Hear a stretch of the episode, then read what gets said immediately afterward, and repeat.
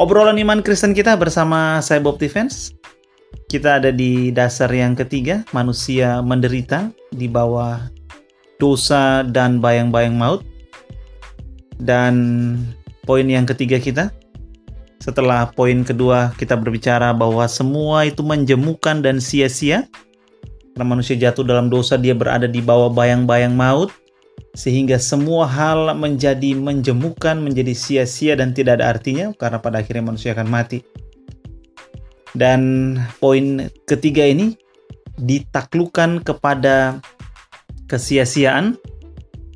Roma 8 ayat 20 sampai 23 Paulus menulis kepada jemaat di Roma karena seluruh makhluk telah ditaklukkan kepada kesia-siaan bukan oleh kehendaknya sendiri, tetapi oleh kehendak Dia yang telah menaklukkannya. Kita melihat bahwa ternyata apa yang Salomo simpulkan oleh Rasul Paulus di dalam terang Perjanjian Baru menulis bahwa ternyata kesia-siaan itu bukan atas kehendak manusia sendiri, tetapi oleh kehendak Allah yang menaklukkan manusia kepada kesia-siaan. Dari sini kita melihat bahwa memang ternyata kesia-siaan itu ada Allah di balik semua itu. Ini mirip Ayub yang ternyata penderitaan Ayub pun ada Allah di balik penderitaan Ayub. Ini juga mirip penderitaan Israel, ada Allah di balik penyerangan musuh-musuh Israel, penaklukan musuh-musuh Israel kepada Israel. Dan di sini pun kita melihat seluruh makhluk telah ditaklukkan kepada kesia-siaan. Bukan oleh kehendaknya sendiri tetapi oleh kehendak dia yaitu Allah yang telah menaklukkannya. Artinya ada Allah di balik semua kesia-siaan yang Salomo simpulkan di sesi yang lalu. Artinya Allah dia memegang peranan. Ada bagian ini Allah menunjukkan melalui tulisan Paulus di sini bahwa Allah itu yang menaklukkan manusia.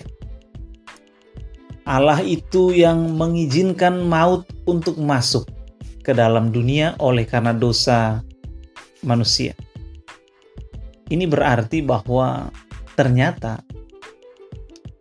kesia-siaan yang manusia rasakan akibat maut itu pun berada di dalam kendali dan rencana Allah.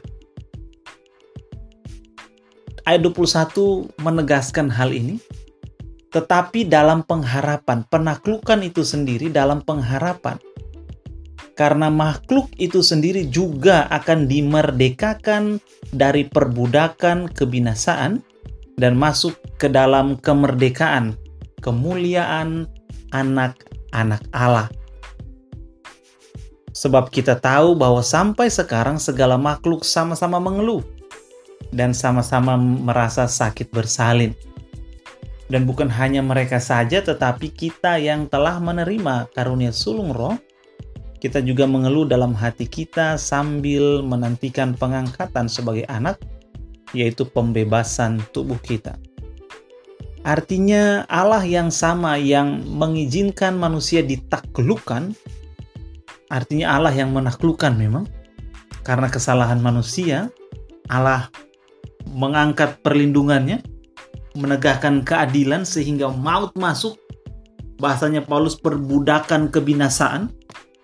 Tetapi Allah pula yang akan memerdekakan manusia dari perbudakan kebinasaan, bahkan membawa manusia masuk ke dalam kemerdekaan kemuliaan anak-anak Allah.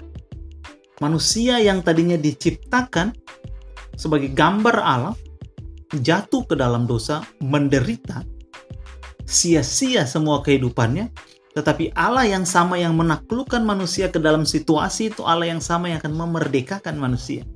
Ini juga mirip Ayub, ini juga mirip Israel. Kita lihat ada satu pola yang sama di sana. Pola di mana um, Allah mengatakan kepada Ayub, "Aku yang menciptakan gelora laut, aku juga yang mengendalikan gelora laut itu." Israel Allah mengatakan soal aku yang mengirim tentara dari utara datang. Tetapi mereka ini sombong, aku juga yang akan menghancurkan mereka. Akan menghukum mereka karena mereka terlalu sombong pikirnya itu kekuatan mereka sendiri, padahal itu kekuatanku yang kuberikan pada mereka. Pola yang sama terjadi di sini, manusia memang jatuh ke dalam dosa, manusia memang um, hidup dengan konsekuensinya, manusia memang akhirnya diperbudak kebinasaan berada benar-benar berada di bawah bayang-bayang maut. Tetapi Allah yang sama akan membuat maut itu kalah. Karena di kitab Wahyu Allah menjamin bahwa itu akan terjadi di akhir sejarah manusia. Maut akan ditelan oleh hidup.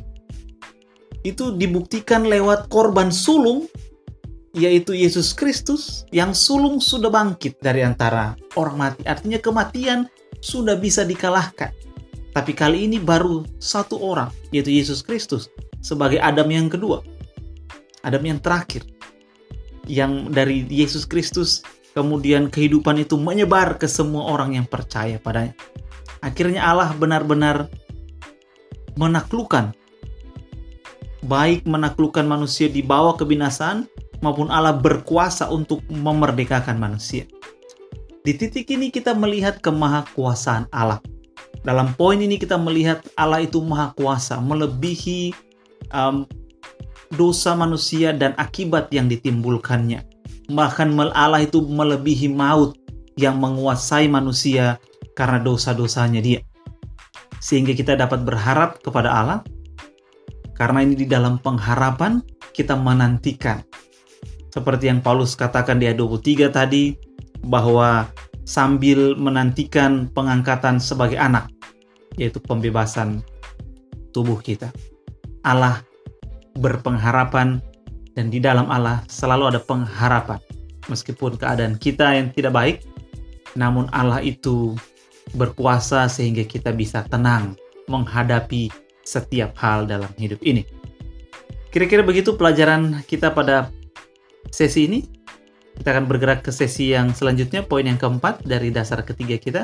Sementara itu kiranya sejahtera dari Allah Bapa dan kasih karunia-Nya menyertai Anda dan orang-orang yang Anda kasihi